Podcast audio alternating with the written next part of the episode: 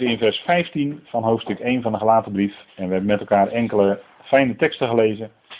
Uit uh, Psalmen, Jezaja en Romeinen. En ook in de Efezebrief. Dat uh, ziet u onderaan deze dia staan. Efeze 1 vers 11. Ook een bekende tekst neem ik aan bij u. Dat, uh, ja, dat eigenlijk het geweldige principe in Gods plan is. Dat God eigenlijk alles bewerkt naar de raad van zijn wil.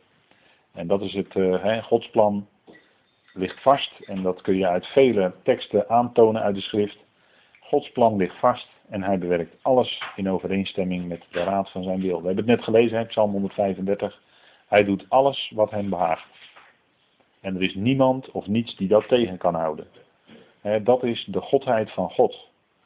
En uh, dat uh, is een heel belangrijk, dat is het hoogste principe wat de schrift kent dat is het hoogste.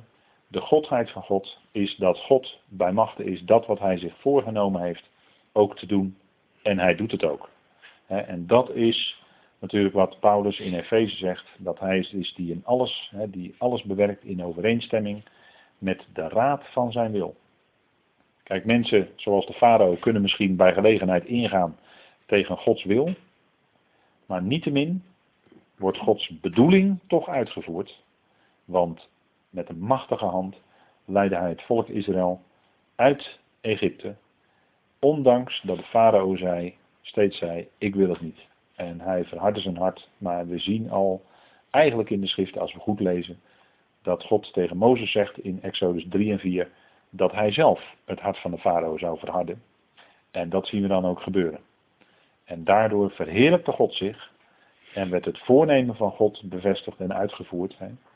De bedoeling van God ging door, ondanks dat de farao en de Egyptenaren zich verzetten tegen de wil van God. En dat is natuurlijk wat in Efeze door Paulus gezegd wordt, dat hij alles bewerkt in overeenstemming met de raad van zijn wil. Zijn plan wordt volvoerd, wat de mens ook daartegen in probeert te brengen. Niettemin wordt zijn plan volvoerd tot het einde aan toe. Nou, dat is uh, wat we ook in Saulus leven zien. Hè? Saulus wilde niet, hij was een vijand van Jezus. En niettemin kwam de Heer hem tegemoet op weg naar Damascus en betoonde hem overweldigende genade. Er was niemand die dat tegen kon houden. En, dat, uh, en het geweldige is dat Paulus getuigde dat hij, dat het God behaagde zijn zoon, hè, Christus, zijn zoon, de zoon van zijn liefde, in Saulus te onthullen. Dat wil zeggen dat Saulus in zijn hart ging beseffen en weten, hè, hij zegt bij gelegenheid, wij weten nu, op, en dan komt er weer iets, wij weten nu, dat is dat vaste, dat zekere van het geloof. In zijn hart weet hij wie hij, met een hoofdletter, werkelijk is. Jezus is de Zoon van God. Dat is ook het eerste wat in de schrift staat dat hij ging prediken in Damascus, in de synagoge, dat Jezus de Zoon van God is. En dat was bekendgemaakt in de schriften en dat ging ook de Heer aan hem duidelijk maken. Hè? En dat is wat uh, natuurlijk ook uh, bijvoorbeeld uh, in Matthäus staat, twee keer, in Matthäus 11 vers 27 ziet u op deze dia staan. Dat is wie de zoon het wil onthullen, aan die zal het bekend worden. De wijze en verstandigen, Daarvoor bleef het in die dagen nog verborgen. Maar degene die, een, wat wij dan zeggen, een, geloof als een kind hebben, aan die onthult de Heer het. Hè? En uh, dat zei hij ook tegen Petrus in Matthäus 16. Dat Petrus beleed, gij zijt de Christus, de Zoon van de levende God. En dan zegt de Heer tegen hem, gelukkig ben je, Simon Bariona, want vlees en bloed heeft je dat niet geopenbaard. Maar de Vader die de Heer gezonden had, die had hem dat geopenbaard. Hè? Dus dat beleiden dat Jezus de Zoon van God is, dat je dat weet met je hart, dat je daarvan overtuigd bent, dat je daar blij en dankbaar voor bent, dat is een onthulling die God geeft in je hart. Dat is niet iets waarvan je zelf door allerlei inspanningen kan verwerven. Maar dat is iets wat je door de schriften heen, door prediking heen, doordat je hoort ga je het zien met je hart. Wordt je hart verlicht door de geest van God. En ga je ontdekken en wordt onthuld in je, net als bij Paulus, wie de zoon van God is. Dat Jezus de zoon van God is. De zoon zijner liefde. Dat is wat Gods onthulling is in ons hart en leven. Dat is heel bijzonder. Dat God dat in je leven geeft. Dat is heel bijzonder. Want velen, velen, die erkennen dat niet. En tot op vandaag de dag, degenen die dat vandaag niet erkennen, die konden dat tot op vandaag de dag ook niet erkennen. Dat kon niet. Maar degenen die het wel erkennen, aan hen is het door God gegeven in hun hart. Dat is onthulling. En God behaagde het ook zijn zoon in Saulus te onthullen. Dat is iets heel bijzonders. Hè? Lees je ook zomaar overheen als je gelaten 1 leest. Maar dat is heel bijzonder natuurlijk. Dat is een geestelijke onthulling die, uh, waar je niet voor kan uh, kwalificeren, waar je niet voor kan werken. Nee, dat is iets wat je door horen naar het woord, dat moet God in je schenken, dat moet Hij in je onthullen. En dat was in het leven van Paulus zo, opdat ik hem als evangelie verkondig onder de natie. Als je zegt, nou, wat is het evangelie? Dan zeg je, nou, weer Jezus Christus. Hij is het evangelie. Hij is de zoon van God. En dat is wat Paulus hier ook zegt, opdat ik hem, die zoon, als evangelie verkondig onder de natie. En dat was zijn bijzondere bediening. Als leraar van de natieën. Als leraar van de heidevolkeren. Paulus verkondigde de zoon als evangelie onder de natieën. En dat is ook wat Romeinen 1 zegt. Hè? Dat is het evangelie van God. Dat is aangaande zijn zoon, Jezus Christus, onze Heer. Hij is het evangelie. En, en dat is wat uh, centraal staat. Hè? En dan is natuurlijk wat hem gebeurde. Zijn dood en opstanding. Dat is natuurlijk waar het allemaal om draait. En, en alsnog extra bijzonder voor ons dat hij verheerlijkt is aan de rechterhand van God. Dat, is, dat is waar het om draait. Maar daarin zien we dus, het draait allemaal om hem. Het draait in de eerste plaats in het evangelie helemaal niet om de mens. Het draait om de Zoon van God. Het draait om wat God doet. En, en dat wij daardoor gezegend worden, ja natuurlijk. als God een werk doet, dan wordt een mens daardoor gezegend. Dat is natuurlijk geweldig. Hè? Dat is uh, heerlijk, blijmakend nieuws. En dat is een evangelie waar je echt blij van wordt. En daar blijf je ook blij van. Want het is genade en het blijft genade. En dat is de wortel van vreugde hè, in het Grieks. Garis, gara, vreugde. Het evangelie is een en al vreugde. Want het is genade. Want het hangt niet van jou, maar het hangt van hem af. Ja, wat is dat toch geweldig hè. Dat we dat met elkaar telkens weer uh, horen mogen en, en beleiden. Hè, dat het zijn werken is. Dat is het werk wat stand houdt. En dan zien we dus dat, dat uh, Saulus, Paulus, hier een uh, verslag doet. En dat is heel belangrijk. Dat is allemaal binnen het kader van deze brief. Verhaalt hij dus het verleden. En hij zegt, ik legde het niet meteen voor aan vlees en bloed. En wat wil vlees en bloed zeggen? Nou, mensen. Ook niet aan de gelovigen die er toen al waren. Daar legde hij het niet aan voor, als, alsof hij daarvoor goedkeuring moest krijgen. Zo ging dat, zo is het niet gegaan. En, en uh, Efeze zegt later, en dat is natuurlijk toch een wat andere dimensie, wat ander facet. Uh, wij hebben geen worsteling met bloed en vlees. Hè, en vlees is dan, uh, als we kijken bij Galaten, vlees en bloed, is ook het werken. Hè? Het vlees van de mens wil werken, wil graag werken. En, en, en accepteert eigenlijk genade niet. Dus vlees en bloed, nee, daar ging hij niet bij te raden. Hij legde het niet meteen voor aan vlees en bloed. Maar het was een geestelijk, geweldig, goed nieuws wat hij ontving. En dat hoefde hij niet te overleggen. Het was een unieke boodschap.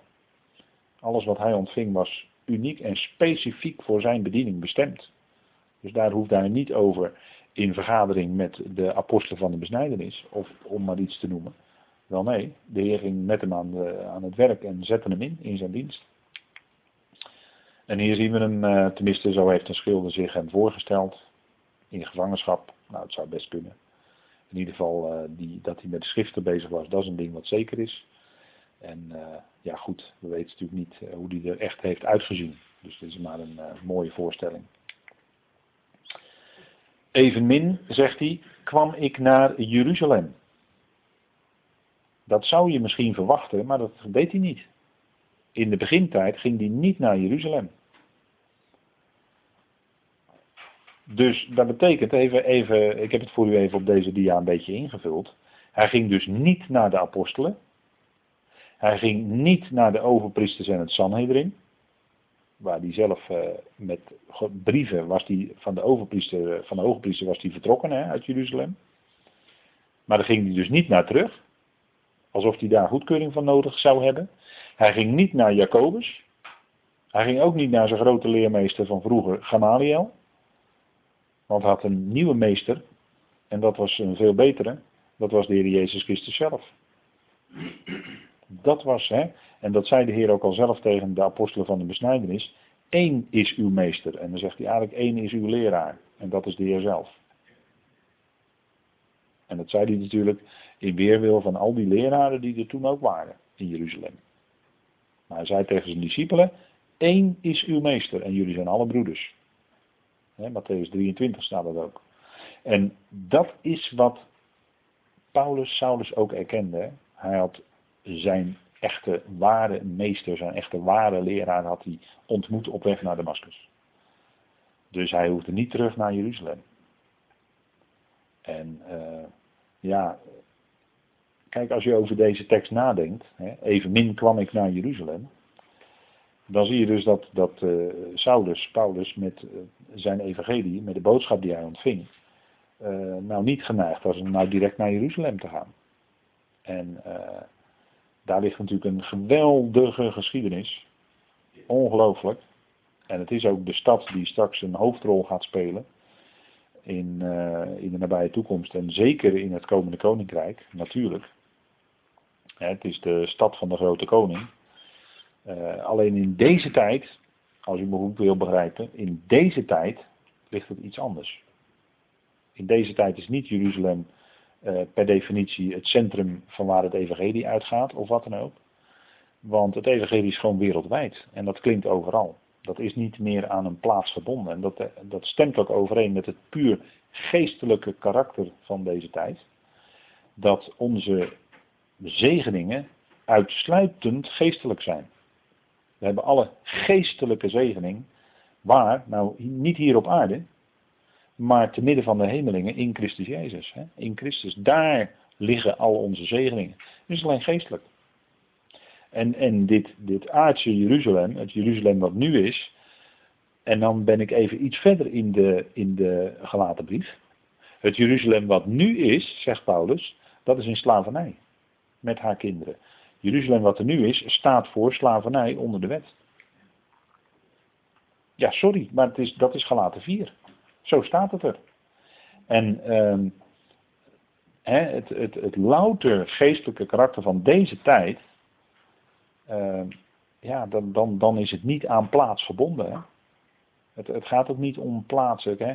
Eh, sommige mensen die, die uh, allerlei problemen hebben in hun leven. En ik, ik, begrijp dat wel. Hou me te goed. Ik begrijp dat wel. Maar die gaan dan bijvoorbeeld een voettocht ondernemen naar Santiago de Compostela. Dat ligt ergens in Noord-Spanje of zo geloof ik. Of die gaan er op de fiets naartoe. En dat is dan een soort bedevaartachtig, laat ik het maar heel voorzichtig zeggen, bedevaartachtig iets. En dan, ik, ja, die mensen die zoeken dan misschien daar een, een, een, deeloplossing of de oplossing voor hun problemen. Maar dat ligt niet in Santiago de Compostela. En het ligt ook niet, sorry, maar het ligt ook niet in Jeruzalem. Maar het ligt bij deze dingen die wij vanavond overdenken. Het evangelie, wat Paulus bracht. mensen die, die zijn in problemen. Mensen hebben heel vaak problemen. Maar wat is het geweldige als je een, een, een geestelijke kijk kan krijgen op je problemen. Want problemen hebben we allemaal in ons leven, als, ook als gelovigen, en soms heel ernstige problemen. Maar wat is het geweldig als je het evangelie mag kennen en beleiden, dat je een grote God mag kennen, die zegt dat hij alle dingen doet samenwerken ten goede. Alle dingen werken samen ten goede. En dan kennen we problemen in ons leven, dan kennen we lijden in ons leven, dan kennen we verdrukkingen, dan kennen we allerlei ellende, ook als gelovigen. Maar wat hebben wij dan een geweldig rustpunt in dat evangelie als we dat weten in ons hart en wat geeft dat een rust. En dan kan je ondanks de problemen die er zijn, s'nachts toch goed slapen in rust. sommige mensen die uh, blijken elke nacht slecht te slapen, onrustig en uh, woelen en wakker blijven. En ja, wat is er dan? Nou ja, onrust, ja, ja. Problemen misschien. Maar het is geweldig als je het evangelie kent en dan, dan, dan ga je ontdekken gaandeweg dat je van binnen helemaal tot rust kan komen omdat je het kan overgeven aan God. Dat wil niet zeggen dat je problemen dan gelijk opgelost zijn of dat het probleem dan minder erg is in je leven. Maar het is wel geweldig als je samen met hem door dat probleem heen kan of door die problematische periode in je leven heen kan gaan samen met hem, dan hoef jij het niet te doen, maar dan ga je ontdekken dat hij je gaat dragen. geestelijk gezien gaat hij je dan dragen. Nou, dat is natuurlijk heerlijk. Hij doet alles medewerken, samenwerken ten goede. Dat is wat Paulus besefte. En daardoor kon hij dat in gebed overgeven. Laat alles bij gebed en smeking met dankzegging. Met dankzegging, daar draait het om. Hè? Laat alles wat je verzoekt bij Hem bekendmaken. Natuurlijk, je kan alles met de Heer, je kan alles met God delen. Maar wat geweldig dat wij dat kunnen doen met dankzegging. Omdat we weten heel diep van binnen, dat is die diepe overtuiging, en dat de schrift dat in de allereerste plaats zegt, omdat wij weten dat God, dat het niet buiten God omgaat, maar dat Hij het zal doen uitwerken ten goede uiteindelijk die weg die hij nu met u, met jou, met mij gaat. Dat werkt hij uit ten goede. En dan kom je in die rust waar Paulus in Filippenzen 4 over schrijft. Dat dan die geweldige vrede van God, let op hè, vrede van God, in je hart neerdaalt en je hart bewaart als in een vesting, je gedachten bewaart als in een vesting. Want je beseft, je gaat gaandeweg beseffen, Vader, het is in uw hand en daar kan ik heerlijk in rusten. Wat is dan geweldig, hè? Dat we zo'n boodschap en zo'n God mogen kennen. In alle omstandigheden is Hij nabij. De Heer is nabij. Dat zegt Paulus ook in Filippenzen 4. De Heer is nabij. En, dat in al die situaties waarin Paulus terecht kwam, dat hij belaagd werd door mensen, besefte hij, de Heer is nabij. De Heer had hem bijgestaan ook bij zijn eerste verdediging. Ja, dat is geweldig. Dat is, en, en dan ben je niet meer aan plaats verbonden. Dan zoek je het ook niet in een plaats. Dan hoef je ook niet op bedevaart naar Santiago de Compostela. En als u het toch wil doen, moet u zelf weten. Maakt mij helemaal niet uit hoor. Echt niet. Maar dan hoeft dat niet meer toch. En dan hoef je ook niet naar nou, X, plaats X. Want je zal ontdekken dat die plaats waar jij naartoe gaat, dat die plaats jou geen rust geeft hoor. Als je dat wil. Dat, dat, dat, gaat, dat gaat hem niet worden. Maar wat wel gaat worden is dat de Heer je rust geeft. En dan heb je gewoon je Bijbeltje. En die heb je altijd bij je, die heb je in huis, die kan je openen, die kan je lezen, daar kan je over bidden. Je probleem aan de Heer voorleggen. En dan werkt Hij het uit. Dat zou je dan zien, dan gaat Hij het uitwerken ten goede. Nou, dat is, dat is, uh, hè, dan komt er de glans van het evangelie in je leven.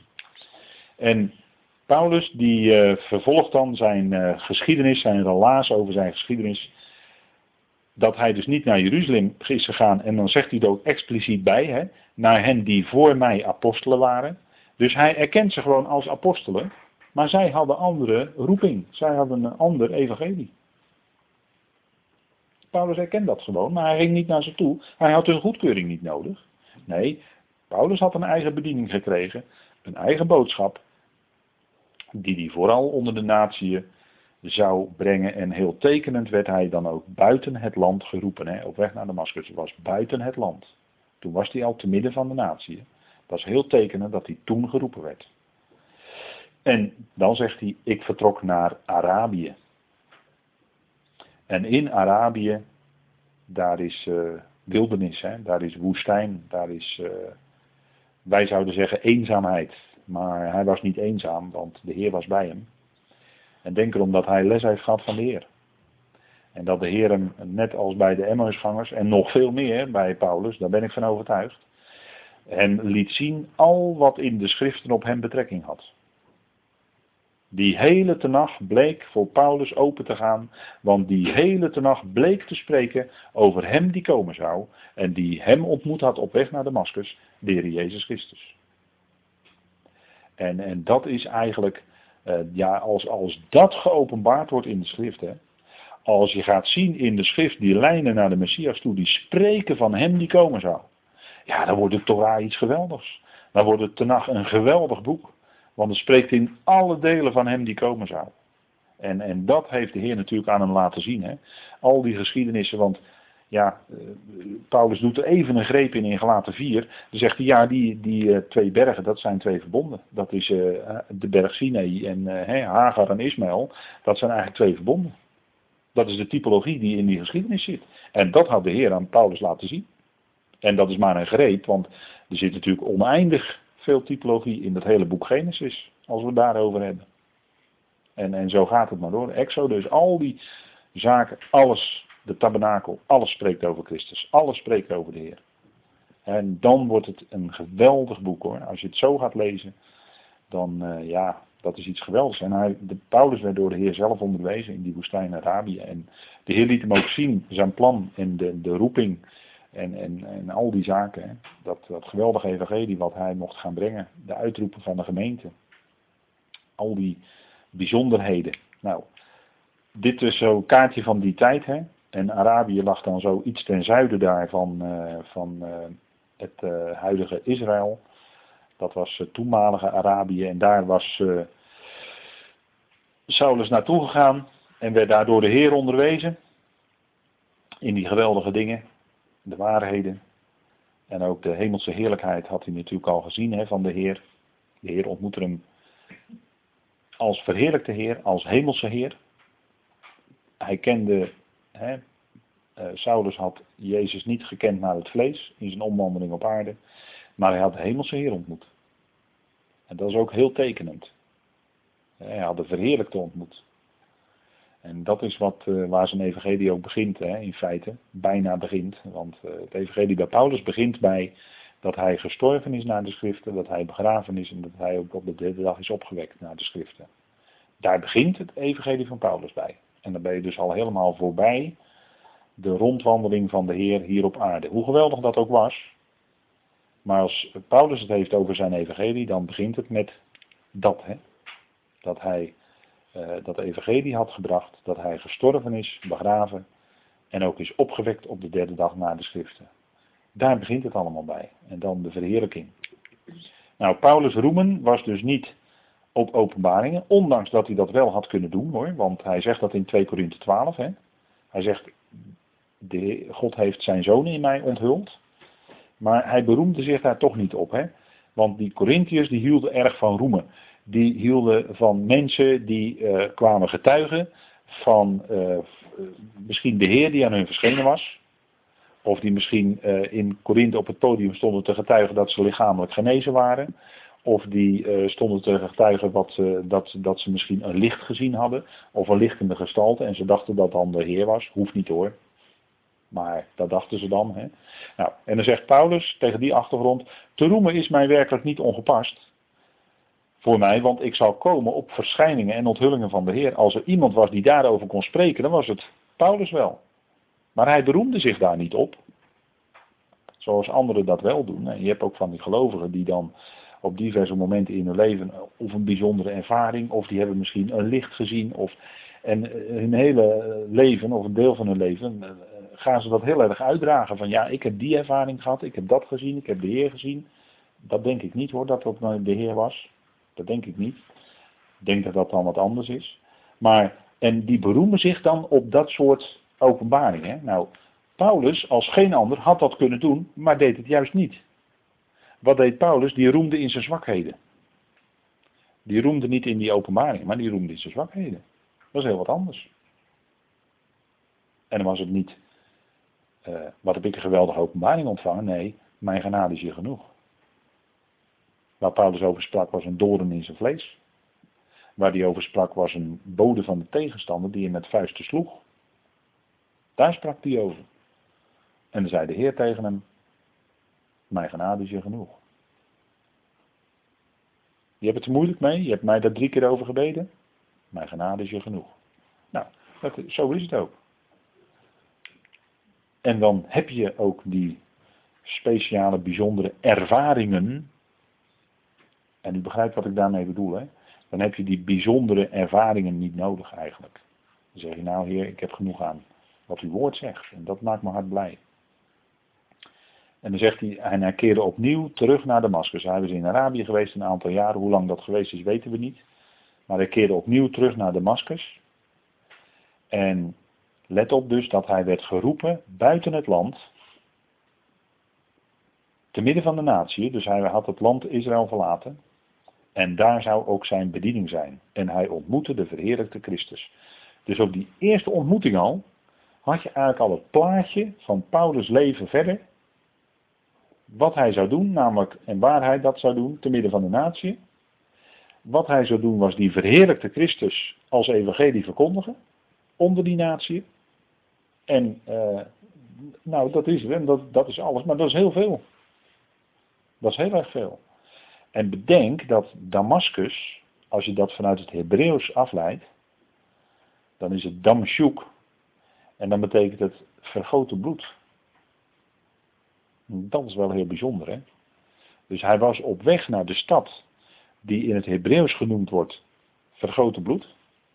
Althans, dat is een hele goede afleiding die je vanuit het Hebreeuws kan doen. En dat was eigenlijk heel tekenend. Want hij zou de Heer ontmoeten, die zijn bloed vergoten had, die geleden had en de losprijs had betaald, ook voor Saulus. Want hij, heeft de losprijs, was de losprijs voor iedereen, hè? voor allen. En dat is natuurlijk geweldig, hè?